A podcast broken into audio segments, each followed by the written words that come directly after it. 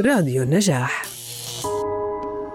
تصريحات وزير الإعلام اللبناني جورج قرداحي حول التدخل العسكري للسعودية الذي تقوده في اليمن. شكلت العديد من المواقف العربية نلخصها بالتالي. قامت كل من الكويت والبحرين باستدعاء سفرائها من بيروت كما طالبت بمغادرة القائمين بأعمال السفارة اللبنانية في بلادهم. فيما استنكرت قطر هذه التصريحات مع استيائها الشديد لما يجري. ودعت الحكومة اللبنانية لأخذ الإجراءات اللازمة لتهدئة البلدين.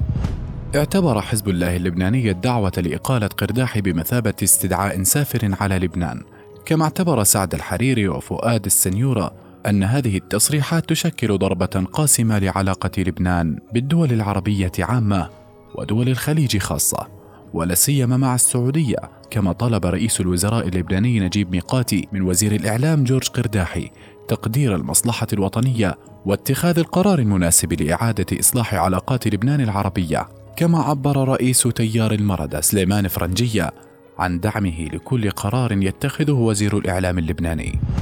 من جانب آخر ناشدت جامعة الدول العربية ممثلة بأمينها أحمد أبو الغيط دول الخليج لإعادة النظر في إجراءاتها لتفادي التأثيرات السلبية على الاقتصاد اللبناني. وبرأيكم مستمعينا، إلى متى ستستمر أزمة قرداحي؟